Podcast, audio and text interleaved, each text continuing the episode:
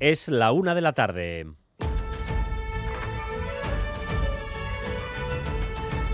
Crónica de Euskadi con Dani Álvarez.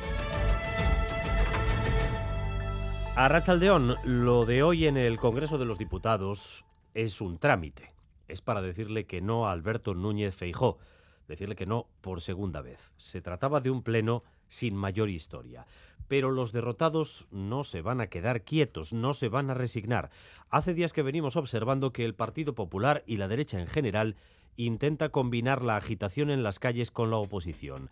Y eso es lo que trata de prolongarse en la jornada de hoy. Feijó ya ha intervenido, pero ahora se intenta parar el pleno con diferentes triquiñuelas.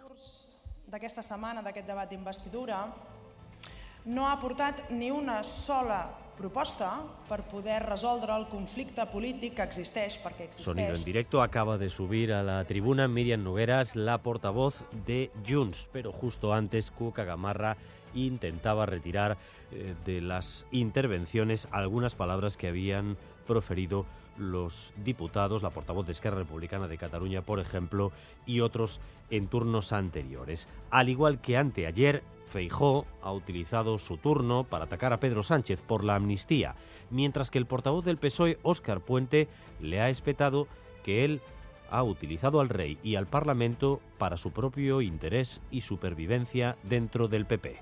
¿Amnistía sí o no? Yo digo no. ¿Y usted? ¿Referéndum sí o no? Yo digo no. ¿Y usted, señor Sánchez? Por eso, señor Sánchez, suba usted ahora. Suba y hable claro, sin rodeos, sin comunicados a las 8 de la tarde, llenos de tantos eufemismos.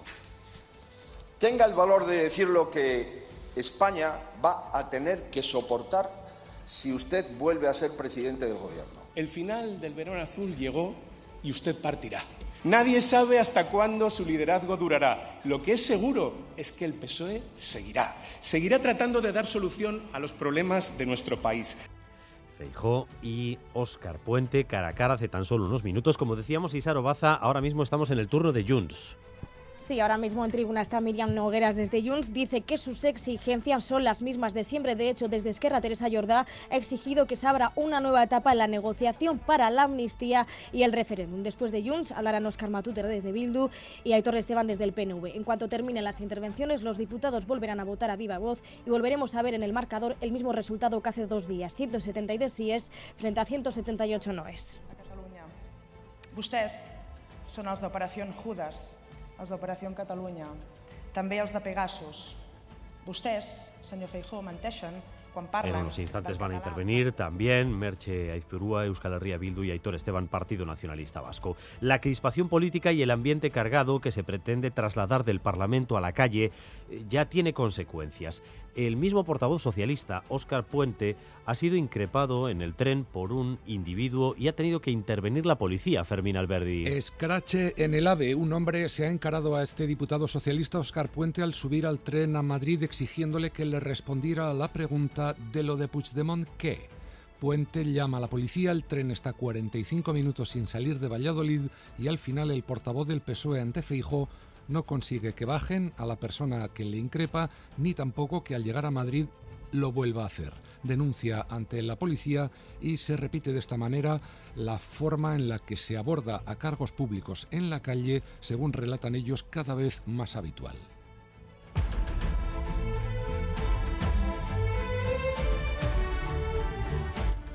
El Endacari Urcullo, al igual que los dirigentes más importantes de su partido, no cierran la puerta a una posible repetición de las elecciones. El Endacari ha calificado como espectáculo lamentable lo ocurrido en el Congreso y tras el discurso de Feijó contra el PNV lo ha enmarcado en una campaña contra su partido.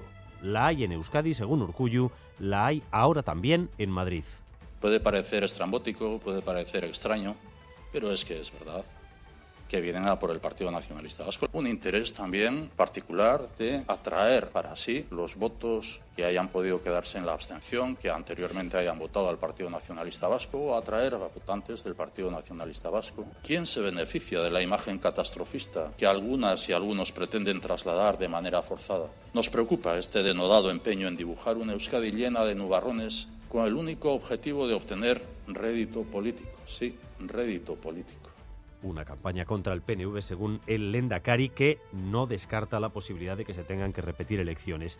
Para que eso no ocurra, las piezas que se tienen que unir de cara a la investidura de Sánchez, como saben, pasan por Cataluña. Ayer Esquerra y Junts pactaron un texto para forzar a Sánchez a un referéndum, un texto que ha introducido sombras en las negociaciones, tanto que el PSC tampoco descarta una repetición electoral.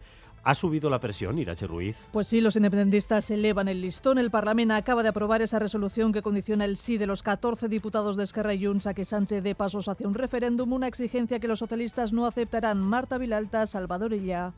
Si volen governar el seu país, l'estat espanyol, hauran de respectar Catalunya, perquè el referèndum no és divisió, és democràcia. Així de senzill. Anem a eleccions? Creiem que no és la solució, anar a eleccions, i tothom haurà de donar comptes d'allò que faci, de per què ho faci, de com ho faci. No? El PSC no rompe las negociaciones, pero considera que este órdago es inaceptable. Enseguida regresamos al Congreso de los Diputados, sesión en directo, pero antes, recta final ya de Cinema al día de cara a esta noche. El protagonista será el director vasco Víctor Erice, que recibirá su premio Donostia. Hace escasos minutos, Erice ha recibido un atronador aplauso en la rueda de prensa previa. Se ha mostrado muy emocionado por el cariño que está recibiendo y ha hablado sobre lo fundamental que son en la sociedad actual las artes y en particular el cine. Solo aspiro a que el ciudadano tuviera una educación que la aproximara a ese fenómeno extraordinario que fue el cine. No sé si lo sigue siendo, que a mí me ha servido para el descubrimiento de tantas cosas. Es lo que modestamente trato de hacer en cada uno de mis trabajos poner lo mejor de mí mismo. Y vamos también con lo más destacado del deporte, Álvaro Fernández Cadierno, Arrachaldeón. Hola Arrachaldeón, viernes que une la séptima jornada con la octava y ese Real Sociedad Athletic de mañana noeta o la Alavés Osasuna del domingo. Osasuna que perdía 0-2 anoche ante el Atlético, derrota con polémica incluida tras anularse un gol legal a los rojillos. Por su parte, el Alavés empataba uno en Vigo ante el Celta. En la Ryder Cup en golf, victoria esta mañana de John Ranco en Europa que gana 4-0 a Estados Unidos. El de Barreca juega ahora mismo de nuevo.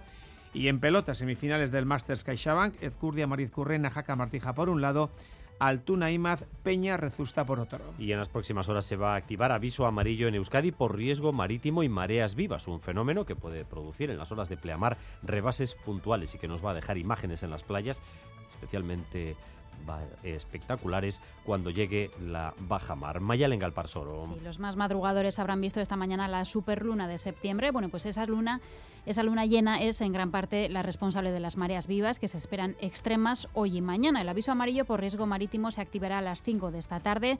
La pleamar será a las 5 y media y se espera una marea de unos 4,95 metros, una de las más altas del año. Se pueden producir rebases puntuales, como decimos, en zonas habituales. La imagen de las playas vacías llegará hoy por la noche y mañana sábado con la baja mar extrema hacia las 11 y media de la mañana. 25 grados en Bilbao y en Bayona, 23 Donostia, 24 Vitoria-Gasteiz e Iruña, jornada soleada y más calor para el fin de semana. Gracias un día más por elegir Radio Euskadi y Radio Vitoria para informarse. Raúl González y José Ignacio Revuelta en la dirección técnica, María Cereceda en la coordinación. Crónica de Euskadi con Dani Álvarez.